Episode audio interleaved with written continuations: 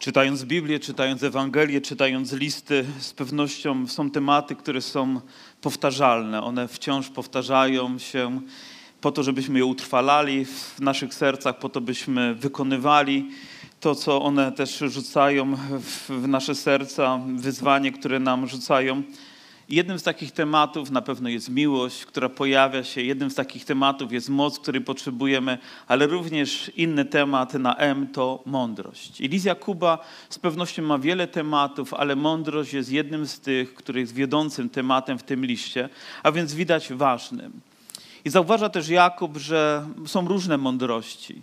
Ja też zauważyłem, że można być przemądrzałym albo można być mądrym. Pomiędzy jednym a drugim jest ogromna różnica. Zauważam też, że jest mądrość tego świata i jest Boża mądrość.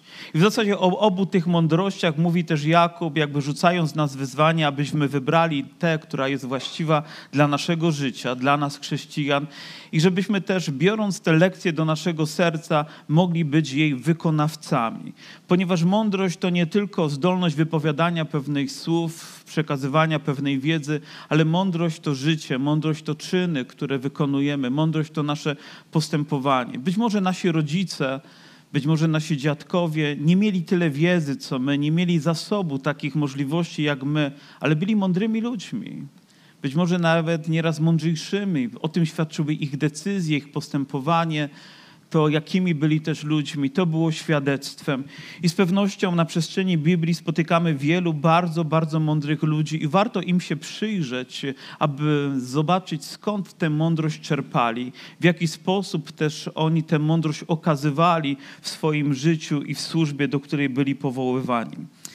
Tematem minionym, który mieliśmy jako też zadanie domowe, było, była chęć właściwego używania naszego języka. Czy komuś z Was się udało zapanować nad językiem? Myślę, że to jest tak jakby praca, którą codziennie możemy sobie zadawać i to jest wciąż coś, co musimy niezmiennie dbać i, i kontynuować w naszym życiu, żeby, żeby dopracowywać, ponieważ jedno słowo, właściwe albo nie, może mieć tak ogromny wpływ na nasze życie. Jedno słowo tak może uczynić nas najszczęśliwszymi ludźmi albo najbardziej nieszczęśliwymi ludźmi w życiu. A więc musimy być ludźmi mądrymi, którzy podejmują właściwe decyzje. I oto Jakub w drugiej części trzeciego rozdziału mówi w ten sposób: Czy jest między wami ktoś mądry i rozumny? W zasadzie to nie jest tylko pytanie, bo w innych tłumaczeniach jest to jako stwierdzenie. Jakby my, jeśli wśród was są ludzie rozumni, są ludzie mądrzy, to niech oni będą mieli wpływ na to, co się dzieje w zborze. Niech oni narzucą jakby taki sposób nauczania i styl takiego życia, który będzie obowiązywać społeczności. Mam wrażenie, jakby Jakub też odreagowywał na to, co działo się w kościele, że do kościoła zaczęły wkradać się jakieś być może fałszywe nauki, a wraz z nimi fałszywa pobożność, być może też fałszywa mądrość, która zaczęła psuć atmosferę w zborze, zaczęła psuć relacje między ludźmi, zaczęła być złym świadectwem, który Kościół zaczął wydawać. I dlatego tak jednoznacznie tutaj mówi o tym, jak ważną rzeczą jest to, byśmy my byli ludźmi mądrymi. Mówi, niech to pokaże przez dobre postępowanie uczynkami swymi nacechowanymi łagodnością i mądrością. Wiele lat temu czytałem pewną książkę, już nie pamiętam jej tytułu, ale była tam opisana historia pewnej kobiety, która przyszła do pastora żaląc się na swojego męża. Mówią, mój mąż mówi, on nie chce chodzić do kościoła. Ja ciągle mu mówię, że on powinien chodzić ze mną do zboru. I no, niemalże nie było dnia, żeby mu to w jakiś taki szczególny sposób nie przypominała, a on mówi nie i nie i nie i nie. Po krótkiej rozmowie z pastorem doszła do wniosku i on również, że problem nie jest po stronie męża, tylko po stronie tej kobiety. Dlatego, że to, co mówiła i to, jak mówiła, nie było zachętą dla niego, ale było wręcz przeciwnie. To, było bardzo agresywne, to było nachalne, to było czasami nawet, mówiąc po ludzku, nietaktowne, ale ona to czyniła, bo myślała, że w ten sposób namówi swojego męża do przychodzenia do zboru. A więc skłonił ją do modlitwy, do tego, żeby otworzyła swoje serce przed Panem, uznała, że to nie jej mąż, ale ona też ma problem, żeby Pan przemówił do mnie i dał jej też taką mądrość, mądrość i zrozumienie, w jaki sposób ona powinna rozmawiać ze swoim mężem. I pewnego dnia, jakiś czas po tej rozmowie, oto wydarzyło się, że jej mąż wybierał się na ryby. No więc miał jakieś tam długie wędziska, z którymi przechodził przez salon i zahaczył tymi wędkami o żyrandol. I żyrandol spadł na ziemię. Wiecie, on w zasadzie niemalże skulił się, prawie że uszy zatkał, bo wiedział, co się za chwileczkę wydarzy. Wpadnie żona i zrobi mu awanturę, jaki to on jest nieodpowiedzialny. I w tym momencie nic się nie wydarzyło. Przyszła jego żona z szufelką, z miotką, pozmiatała ten żyrandol, wyrzuciła, mówi, kupimy sobie nowy. Mówi, idź na ryby. Tydzień później był w zborze. Kilka tygodni później przyjmował chrzest. Myślę, że niezwykle ważne jest to, w jaki sposób my potrafimy zachowywać się w sytuacjach, w których kiedyś może postępowaliśmy według modły tego świata, ale teraz jako ludzie Boży, mając Jego mądrość i wiedząc, że mądrość może być wyrażona również właściwy, właściwymi czynami i właściwą postawą naszego serca i właściwymi słowami, może spowodować tak ogromną różnicę również wśród nas. My jesteśmy ludźmi, którzy nie należą do tego świata, ale zostaliśmy zostaliśmy wybrani, powołani do tego, żeby żyć w Chrystusie i w związku z tym obowiązują nas inne prawa niż prawa tego świata. Oto teraz nie czerpiemy mądrości i zwyczajów, które są na zewnątrz, ale te, które pochodzą z Bożego Słowa i które powinny stawać się standardami również w życiu, w społeczności takiej, jaką i również i my stanowimy. Tu nie ma miejsca na podwórkowe zachowywanie, na jakieś nasze emocjonalne tutaj wybryki i na naszą głośność, którą wyrażamy w niezdrowy sposób, sposób, chyba że uwielbiamy Boga całym sercem, jest to spontaniczne, ale musimy być mądrzy w naszym postępowaniu. To musi być nacechowane w naszej odpowiedzialności też przed Bogiem tymi czynami, które służą dla Jego chwały. Myślę, że to ma ogromne znaczenie i później mówi o to Jakub tak. Jeśli jednak gorzka zazdrość i kutliwość macie w sercach swoich, to przynajmniej nie przechwalajcie się i nie kłamcie wbrew prawdzie. Proszę, byście zwrócili uwagę na to, że zarówno w wcześniejszym wierszu, jak i w tym Paweł nie zwraca się do ludzi tego świata, ale zwraca się do Kościoła jakby zakłada, że może być taka oto sytuacja w kościele, że są ludzie, którzy przechowują w swoim sercu jakąś gorzkość, jakąś zazdrość, kutliwość, która z tego wynika, złe emocje, które temu towarzyszą, później zadry, które z tego powodu powstają, konflikty, które rodzą się w kościele. Mówi, najlepiej by było, gdybyście zamilkli i nic nie robili, bo to byłoby najlepsze w tym momencie, nawet jeżeli macie jakiś problem. Ale w ogóle niedopuszczalną rzeczą jest, byśmy takie rzeczy pielęgnowali w naszych sercach, byśmy dopuszczali do koszkości, byśmy dopuszczali do tego, by zazdrościć mojemu bracie albo mojej siostrze czegokolwiek, czy urody, czy pieniędzy, czy lepszego samochodu, czy lepszego stanowiska w pracy, czy ładniejszego głosu, czy może lepszej służby. Nie wiem, jak to określić, ale w ogóle to nie powinno nam towarzyszyć, bo to jest złe.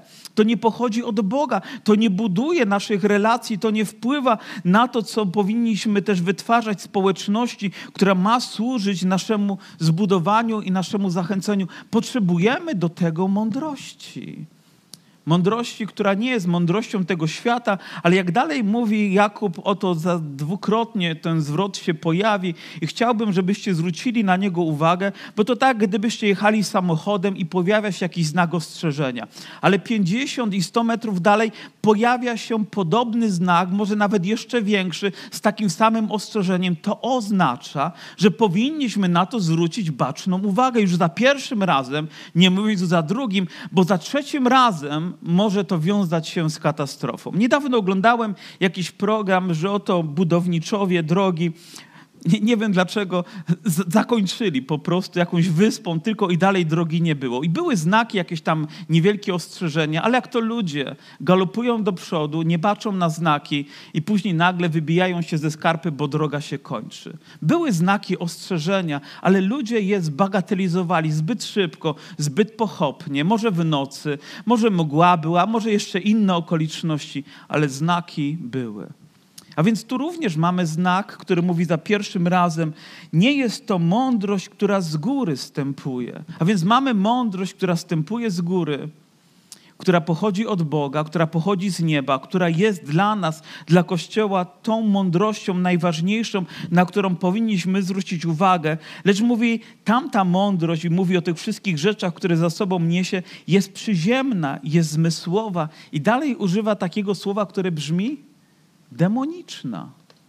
Możecie sobie wyobrazić, że szatan próbuje mieć swoje interesy w życiu Bożego dziecka, by ta osoba wywoływała jakieś konflikty, jakieś złe rzeczy w kościele, w zborze, w społeczności, tam gdzie imię Pana Jezusa powinno być wielbione, ze względu na to, że jej serce, jej myśli są zwrócone w niewłaściwą stronę Myślę, że może to być również słowo ostrzeżenia dla nas, dla Kościoła, byśmy nie inspirowali się tylko tym, co usłyszymy gdzieś na arenach świata, gdzieś przeczytamy w jakiejś książce, w jakiejś publikacji, jakąś rzecz, wydaje nam się poprawna, wydaje nam się dobra, ale źródło, z którego pochodzi, bowiem powinno nas zastanowić, bo efekt tego, owoc tego może być taki, że zaczyna doprowadzać do zniszczenia w społeczności. Pojawia się jakaś nauka, która pozornie wygląda dobrze, ale nie ma właściwego źródła, a później rodzą się z tego tytułu problemy, które mogą wyniszczyć również i taką społeczność dobrą jak nasza. A więc musimy wiedzieć, gdzie mamy zwrócić nasze serca, by sięgać po tą właściwe. Ta mądrość pochodzi skąd? Z góry. Czyli innymi słowy, nie jest to mądrość, która została przez nas wypracowana, mądrość, która została w systemie edukacji wdrożona gdzieś w nasze życie, ale ta mądrość, po którą musimy sięgnąć, o którą musimy poprosić, przed którą musimy się otworzyć, aby móc z nią i zaczerpnąć, by żyć by właściwie funkcjonować, by zdrowo funkcjonować. Wierzę, że tej mądrości dzisiaj potrzebujemy bardziej niż może wczoraj, może tydzień temu i może jeszcze kilka lat temu. Bardziej będziemy potrzebowali mądrość, by rozeznać się pomiędzy tym, co dobre, a tym, co niedobre, by też właściwie się zachować. Mówi się dość dużo teraz o skutkach związanych z izolacją, którą mieliśmy i nie wiemy jeszcze, co, co będzie w przyszłości, z zamknięciem, ze zdalnym nauczaniem, ze zdalną pracą, z wizjelowaniem od ludzi, że ma to skutki nie tylko ekonomiczne, ale może mieć również skutki, które gdzieś na trwale one odcisnęły piętno w wielu, w wielu sercach, w wielu, wielu osobach i może i w kościołach i będziemy musieli się z nimi mierzyć.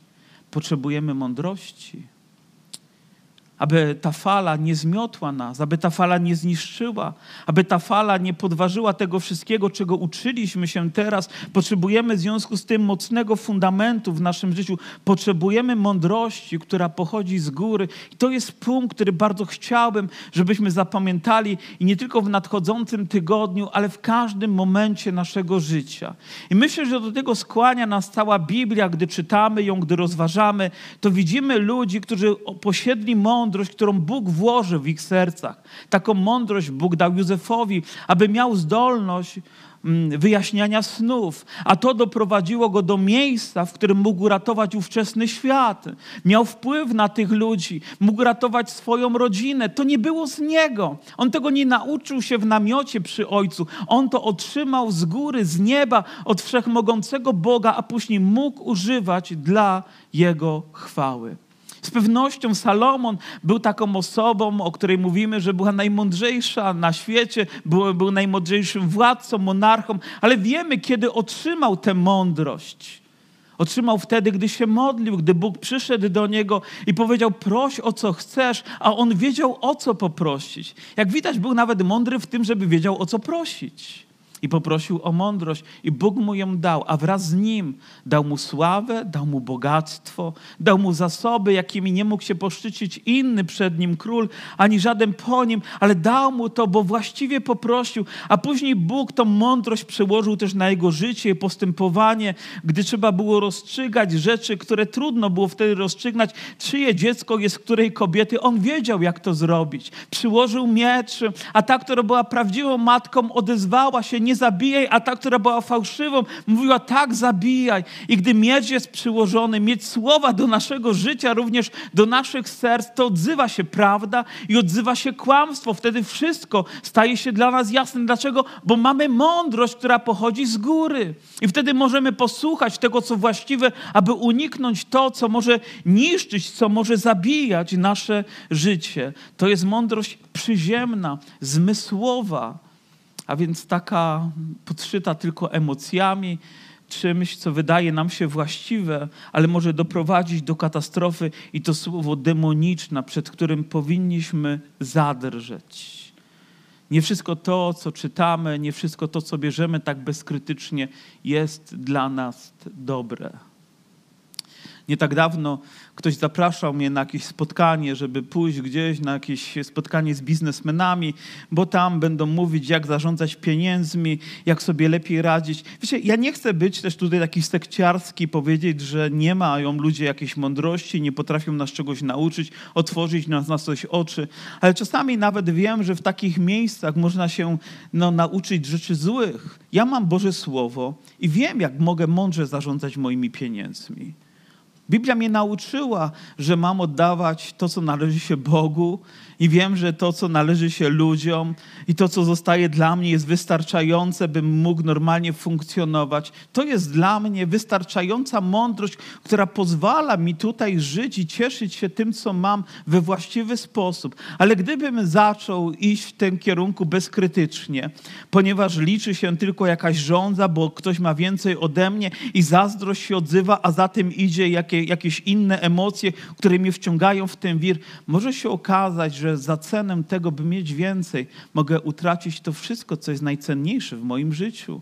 Potrzebuję tutaj naprawdę wielkiej, wielkiej mądrości aby podjąć właściwą decyzję. Od mojego tak może zależeć bardzo wiele. Nie wszędzie tam, gdzie was zapraszają, powinniście być. Nie wszystko to, co wam przedstawiają, powinniście słuchać. Powinniście bardziej słuchać tego, co z nieba, niż tego, co od ludzi. Ponieważ to wszystko inne się wykrusza, a to, co Bóg daje w nasze życie, jest trwałe, jest wieczne. Być może jest jakiś sympozjum na temat małżeństwa i tego, jak powinno funkcjonować. I wydaje się, że niektóre rzeczy rzeczy brzmią poprawnie, ale Boże Słowo mówi, jak powinno wyglądać małżeństwo, że to nie kontrakt, a to przymierze, to nie coś na chwilę, ale to coś powinno trwać aż do końca jednego z życia małżonków, ponieważ Bóg tak postanowił, a więc powinniśmy być mądrzy, wybierając tak fundamentalne rzeczy dla naszego życia i Bóg nas ostrzega, byśmy wybierali zawsze to, co pochodzi z nieba. I myślę, że Kościół dzisiaj powinien być bardzo otwarty na to Boże objawienie odnośnie mm, etyki naszego życia, zdrowia, zarządzania pieniędzmi, rodziny, relacji z ludźmi, budowania w zdrowy sposób tych relacji. Bo gdzie jest zazdrość i kłótliwość, tam niepokój i wszelki zły czyn. Jak łatwo posiać, zainfekować takie rzeczy w życie Kościoła. Dlatego już w pierwszym wierszu Jakub mówi, ludzie mądrzy powinni przewodzić Kościołowi. Ludzie, którzy sprawdzili się w swoim codziennym postępowaniu. Ludzie, którzy mają taki mocny kręgosłup moralny. Ludzie, którzy wypowiadając słowa, biorą za nie odpowiedzialność. Powiem, to jest ważne dla nas dla Kościoła, byśmy mogli cieszyć się, cieszyć się zdrowiem. Kiedy ludzie próbują też, czy przychodzą, by stać się członkami naszej społeczności, jedną z rzeczy, którą chcę powiedzieć zawsze na samym początku i, i w co wierzę i do czego też jestem przekonany, to to, że jesteśmy społecznością, która nie chce i nie lubi się kłócić. Mówię, jeżeli masz kulturę kłótliwą w sobie, jeżeli lubisz się spierać tylko z ludźmi, to znajdź sobie inny zbór. Dlatego, że my chcemy cieszyć się taką wolnością, my chcemy rozmawiać ze sobą we właściwy sposób i nawet jeżeli się różnimy w jakichś rzeczach, a tych rzeczy może troszeczkę być, to nie robimy z tego powodu III wojny światowej, ale staramy się w miłości też akceptować, a jeżeli trzeba, to dyscyplinować tak, aby, aby pozyskać tę osobę ze względu na Pana Jezusa Chrystusa. Ale mądrość, która jest z góry. Zobaczcie, kolejny zwrot, do którego możemy się odnieść, mądrość, ale mądrość, która jest z góry, ta, która pochodzi od Boga, ta, która jest dla nas przeznaczona, jest przede wszystkim czysta. Następnie miłująca pokój, łagodna, ustępliwa, pełna miłosierdzia i dobrych owoców, niestronnicza, nieobłudna. Oto jak można rozróżnić właściwą, dobrą, pochodzącą z nieba mądrość, a tą ludzką, tą zmysłową, tą, która bardziej ma więcej wspólnego z ciałem i może nawet z jakimiś siłami, o których nie zdajemy sobie sprawy. Mówi przede wszystkim mówi, będzie czysta. A na końcu mówi, będzie rodzić dobry, właściwy owoc. A Biblia mówi, że po czym nas ludzie poznają? Po, po owocach, po naszym postępowaniu, po naszych słowach, po naszych czynach, a czasami nawet gestach, które potrafimy wykonywać. Wiecie, nie tak dawno myśląc o tym, że dość często mówimy o sobie samych, że my jesteśmy jak gąbka, że potrzebujemy chłonąć, potrzebujemy chłonąć. To ten wyraz się dość często, czy to porównanie dość często się pojawia i myślę, że ja nieraz używałem również tego, że chciałbym być jak gąbka. Wiecie, doszedłem do wniosku, że, że to nie jest właściwe porównanie, że to nie jest właściwy obraz. Bo gąbka bierze wodę, oddaje wodę. No dobrze, moglibyśmy powiedzieć, no tak, no to biorę Boże Słowo, oddaję Boże Słowo, ale Biblia mówi, że to Słowo ma przynieść owoc w naszym życiu. A więc bardziej, czy lepszym obrazem od gąbki będzie to, że my powinniśmy być jak urodzajna ziemia, która przyjmuje ziarno, przyjmuje wodę i wydaje owoc prawda? Że chcemy nasiąknąć Bożą obecnością, ale chcemy również, żeby to zrodziło w naszym życiu owoc, który będzie służyć Bogu, który będzie czysty, który będzie święty, który będzie miłujący pokój, który będzie łagodny, który będzie ustępliwy, który będzie pełen miłosierdzia i w ogóle wielu innych dobrych rzeczy, które będą się rodzić w naszym sercu ze względu na Boże działanie w każdym z nas. Oto, czego Bóg oczekuje dzisiaj ode mnie i to, czego oczekuje od Ciebie, to to, że otworzymy się na tą mądrość z nieba, i to, co będzie się rodzić w nas, przede wszystkim będzie czyste. Nie będzie zabarwione, nie będzie szare, nie będzie mieszanką świata i, i świętości, ale będzie przeznaczone dla Boga. To będzie dla nas również jasne. Może to pierwsza wskazówka, którą powinniśmy się kierować. Czy mam jasność wobec tego, co czytam, wobec tego, co biorę, wobec tego, co próbuje ktoś włożyć w moje myśli, w moje serce? Czy mam jasność, że to jest czyste, czy to jest dobre? Jeżeli masz cień wątpliwości, to nie przyjmuj tego bezkrytycznie. Badaj to. Stwierdzaj, czy Bóg tak mówi, czy Jego słowo coś w tej sprawie nie mówi, czy nie ostrzega cię przed tym, bo to ma być czyste. Najczystszym źródłem, z którego możemy zaczerpnąć, jest zawsze Biblia, jest zawsze Boże Słowo, jest zawsze Jego nauka, która jest zawsze tak i amen dla naszego życia. I to zawsze będzie, będzie dobre. Czy nie jest to czasami ta nauka podszyta czymś, czego my nie widzimy, a w efekcie może wywołać tak druzgocące skutki? Po drugie, czy to przynosi pokój? Wiecie, nieraz słuchasz czegoś, oglądasz coś, i nagle twoje serce zaczyna łomotać szybciej i wkrada się niepokój. Komuś się z was to zdarzyło? Ja nawet pamiętam, jechałem raz autobusem, to było wiele lat temu, i gdzieś siedział obok mnie człowiek. Wiecie, nie jestem człowiekiem, czy wtedy też nie byłem taki, który gdzieś tylko emocjami się kierował, ale w tym momencie odczułem niepokój i wiedziałem nawet, że gdzieś ten niepokój ma swoje źródło. I to było tak trudne do zdefiniowania, ale wiedziałem, że tak jest. Czasami coś słuchasz i brzmi poprawnie, ale masz niepokój w swoim sercu. Odłóż to. Pewnego dnia przyszła do naszego zboru pewna pani, która oddała swoje życie Panu Jezusowi i zaczęła wzrastać w Bogu i widziałem takie dobre owoce w jej życiu. Aż pewnego dnia przyszła smutna, z pociągłą twarzą, zaniepokojona i od razu to dało się wyczuć. Ja mówię, co się stało? I ona mówi, że sięgnęła po pewną książkę. Nie powiem wam tytułu tej książki, bo to nie ma znaczenia. I zaczęła ją czytać, zaczęła ją studiować, i nagle coś się zmienia w jej życiu. Ja mówię, wiesz co, odłóż tę książkę. Bo widzę, jaki owoc ona przynosi w Twoim życiu. Odłóż ją i sięgnij na nowo po Boże Słowo. Sięgnij po Biblię, sięgnij z modlitwą, sięgnij z uwielbieniem i zobaczysz, jak to zacznie przynosić błogosławiony owoc w Twoim życiu. Widzę czasami, jak ludzie są pod wpływem innych ludzi, jakichś nauczycieli, i czasami ci nauczyciele mają ogromny wpływ na tych ludzi. Oni są zawsze pełni jakichś takich, takich zajadłości czy goryczy w swoim życiu, i później ci ludzie tym samym i tym samym i tym samym emanują. To, co pochodzi od Boga, jest czyste. To, co pochodzi od Boga, będzie przynosiło pokój, będzie dążyć do pokoju, będzie nas skłaniać do tego, byśmy byli ludźmi, którzy szukają pokoju. Będzie łagodna, będzie to nieustępliwe. I myślę, że to, co powinno nas też charakteryzować, to to, że w jakich rzeczach jesteśmy konsekwentni. Niedawno oglądałem jakieś zdjęcia, które ktoś wystawił ze zwierzętami, które, które do końca jakby były ze swoimi właścicielami. Nawet na cmentarzu to zwierzę leżało na grobie swojego właściciela. Wiecie, to jest poruszający widok. Rozdarte, jakby nie wyobrażając sobie, sobie życia. I ktoś napisał, że to jest miłość. Pomyślałem, tak, pewnie to jest taka miłość, jak my to rozumiemy. Ale wiecie, co też pomyślałem sobie? To jest wierność.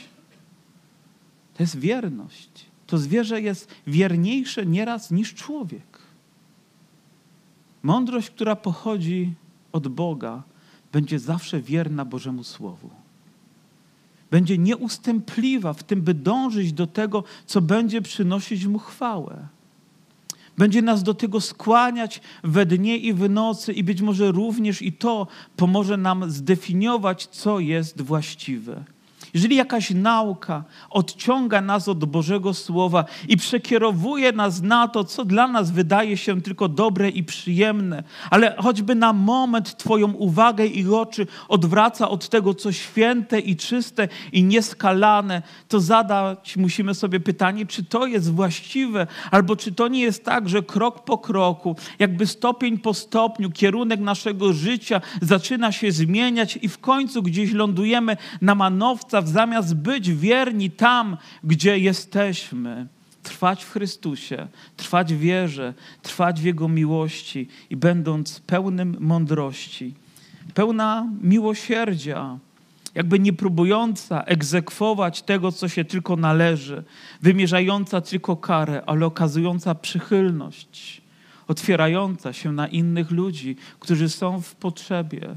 Myślę, że Kościół powinien się tym charakteryzować, powinien się tym wyróżniać, powinien mieć wyciągniętą rękę do tych, którzy są w potrzebie, bo przecież nie ma piękniejszego obrazu niż miłosierny Samarytanin, który spotyka człowieka, troszczy się o niego, zabiera go gdzieś do miejsca, gdzie jest bezpieczny, płaci za niego nawet cenę, by ktoś się nim zaopiekował. Powiem, obcy człowiek, obcemu człowiekowi potrafi tyle okazać miłosierdzia.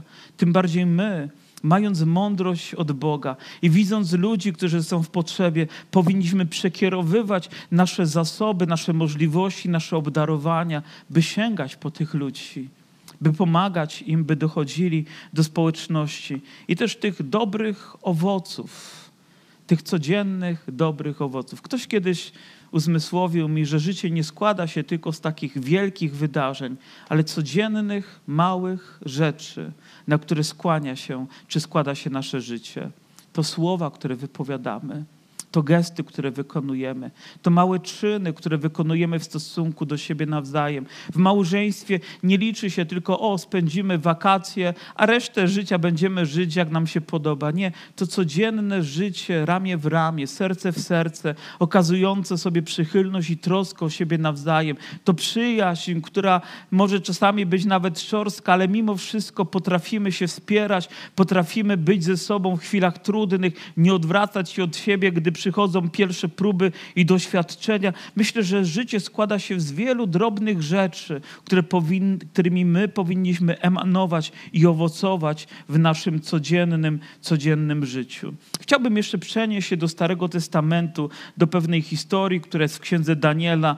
I jak wiecie, na samym początku wydarza się pewien dramat, bo to pewna grupa młodych ludzi jest uprowadzona do dalekiego kraju i oto władca, który tam jest, próbuje ich jakby dla siebie wziąć pod, pod rządy, żeby mu służyli. No i roz, rozumiem jego inicjatywę i nawet próbuje ich karmić ze swojego stołu, ale oni powiedzieli, że nie, nie chcą karmić się z jego stołu. On nie zaprasza ich do stołu, ale on chce, żeby karmili się z jego stołu, ale z jakiegoś powodu mówią nie. Wierzę, że Bóg włożył to pragnienie Danielowi, by Szadracha, Meszacha i Abednego uchronić. I później co się okazuje po wielu dniach, że ci młodzieńcy, którzy nie sięgali po to, co król miał do zaoferowania, ale to, co wydawało się takim jedzeniem, które było jedynie na przetrwanie, to efekt był taki, że oni byli zdrowsi, oni byli mężniejsi, a przede wszystkim byli dziesięć razy mądrzejsi niż jakikolwiek mag, chaldejczyk, jakikolwiek wróżbita, który był na dworze króla. Dlaczego? Bo mieli odwagę powiedzieć nie temu światu, tak Bogu, a Bóg zatroszczył się o to, by mieli Jego mądrość.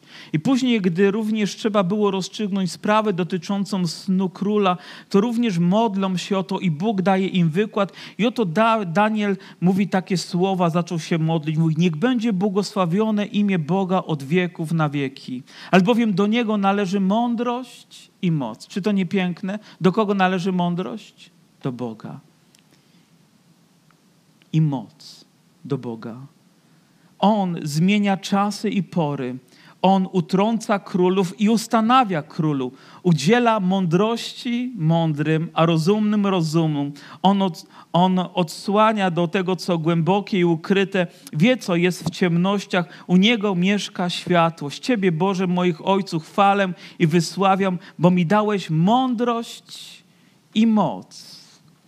I teraz oznajmiłeś mi o co się prosiliśmy, oznajmiłeś nam praw, sprawę króla. Wiecie, sprawa dotyczyła tego, że król miał sen i chciał, żeby ktoś mu ten sen wyłożył. Przyszli Chaldejczycy, magowie i powiedzieli, no królu, to powiedz nam, co się śniło, a my ci ten sen wyłożymy. A król powiedział, o cwaniaczki, ja wiem, powiem, co mi się śniło, a wy znajdziecie właściwą interpretację. Powiedzcie mi, co mi się śniło i wyjaśnijcie mi ten sen. I oni powiedzieli, nikt tego nie może zrobić. Wiecie, kto tego nie może zrobić? Diabeł tego nie może zrobić. Ale Bóg może to uczynić. Bo Bóg zna nasze myśli, bo Bóg zna nasze serca, bo On ma mądrość i moc, aby nam to objawić. I chętnie udziela to widać swoim sługom i daje zrozumienie, i później on stwierdza, że nie ma takiego mądrego jak Daniel, a nie ma takiego Boga, który byłby tak wielki jak Bóg Daniela, który dał mu tę mądrość, aby tę sprawę mógł objawić. I dzisiaj moim zaproszeniem dla każdego z nas jest prosta modlitwa i proste zapotrzebowanie naszego serca, które wyraża również Jakub w pierwszym rozdziale swojego listu, tak tak oto mówiąc. Mm, dlatego, mm, przepraszam, jeszcze dalej. Jeśli komuś z Was brak mądrości, niech prosi Boga, których wszystkich obdarza chętnie, bez wypominania, a będzie mu dana. Moja siostro, mój bracie, mój apel i moja prośba i zachęta dla Was jest taka. Za każdym razem, gdy mamy podjąć decyzję, za każdym razem, gdy mamy wypowiedzieć słowa, módlmy się o to, by Bóg dał nam właściwą mądrość. Może to być jedno westchnienie w głębi Twojego serca, ale wierzę, że przyjdzie odpowiedź z nieba i Bóg chętnie daje tym, którzy potrzebują. I zobaczysz, jak ogromny to będzie miało wpływ na Twoje życie, na Twoje życie, na, na, na atmosferę, która wokoło nas, wokoło Ciebie się wytworzy. Bóg pokieruje Twoimi myślami, pokieruje Twoimi słowami, tak aby stały się błogosławieństwem również dla innych ludzi. Bóg znajdzie rozwiązanie w najbardziej krytycznych momentach Twojego życia, ale za zaufaj Mu do końca. Proszę w tym tygodniu, niech Twoją modlitwą, może o poranku będzie to, gdy wstaniesz, powiesz, Boże, nie mogę polegać na własnej mądrości, ale mogę polegać na mądrości, która pochodzi z nieba. Panie, Ty wiesz, jak mnie poprowadzić. Czasami nawet Bóg pokaże Ci objazd do pracy tylko po to, żeby ustrzec Twoje życie. Jedno słowo, które wypowiesz, zadecyduje o tym, jak będzie może wyglądała Twoja kariera. Powiem jedno, jeden podpis gdzieś na umowie może zadecydować o Twojej przyszłości, więc potrzebujemy mądrości, która pochodzi z nieba. Również w kościele, w decyzjach, które mamy podejmować. Pamiętam, byłem kiedyś na synodzie kościoła, to było wiele, wiele, wiele lat temu. I znaleźli się tam dwaj bracia, którzy byli takimi liderami, i jeden i drugi napisali tak zwane wewnętrzne prawo dla kościoła. Jedno, jedno prawo było tak grube, i drugie było mniej więcej tak grube, a więc obydwa dość obszerne. I cały dzień i chyba następny dzień była debata, które prawo przyjąć. I oni argumentowali nawzajem i kontrowali nawzajem. I byliśmy tak już zmęczeni tą sytuacją, że już nie mogliśmy chyba już ani jednego słowa więcej unieść, aż w pewnym momencie stał pastor Konstanty Stacewicz. On już odszedł do Pana wiele lat temu. Wstał i powiedział, drodzy bracia, nie przyjmiemy żadnego z tych praw. I wszyscy zaczęli klaskać ponieważ to dało nam taką ulgę. Mówi, wystarczy nam to, co mamy. Mamy Boże Słowo, funkcjonujemy zgodnie ze statutem, to nam wystarczy. Resztą Bóg po, będzie posługiwać się tak, jak potrzeba. Wiecie, to jedno słowo przyniosło tyle zachęty, a dwa dni spędzone na tym, już nie mówię ile życia na tym, żeby to, te prawa w ogóle napisać, które stały się stertą makulatury. Ale gdybyśmy przyjęli jedno z tych praw, nawet nie wiem, gdzie byśmy byli. Nawet nie wiem, jak byśmy funkcjonowali. Dlatego tak ważne jest, byśmy słuchali tego głosu, który pochodzi z nieba. On będzie nas ostrzegać, on będzie czysty, on będzie wyraźniejszy niż inne głosy, bo Bóg ma mądrość i moc. Dlatego otwieramy przed Nim nasze serca i z pokorą też prosimy, Panie, obdarz mnie dzisiaj mądrością. Pokieruj dzisiaj moimi krokami. Panie, pokieruj też moimi słowami, które będę wypowiadać, decyzjami, które będę podejmować, kontraktami, które będę zawierać, pracą, którą będę wybierać dla mojego życia. Pokieruj, bo Ty masz mądrość, której ja dzisiaj potrzebuję. I wierzę w to całym sercem, że Bóg da swojej córce, da swojemu synowi, da mnie i Tobie to, czego potrzebujemy. I to będzie pochodzić z nieba. To będzie większe niż cokolwiek innego na tej ziemi. Bóg wie, czego potrzebują nasze dzieci. Wiecie, wiele razy słyszałem świadectwa, gdzie drobiazgi, jakieś drobne, wydaje się, decyzje po modlitwie pomagały ludziom w tym, że ich życie było uratowane, ich rodziny były ocalone, ich finanse nie zostały doprowadzone do bankructwa, albo też były doprowadzone do bankructwa, do ruiny, jeśli nie posłuchali tej mądrości, która pochodzi z nieba, a pokierowali się tą, która jest zmysłowa, cielesna i demoniczna, przed którą strzeż nas, Panie Boże. Strzeż nas. Powstańmy.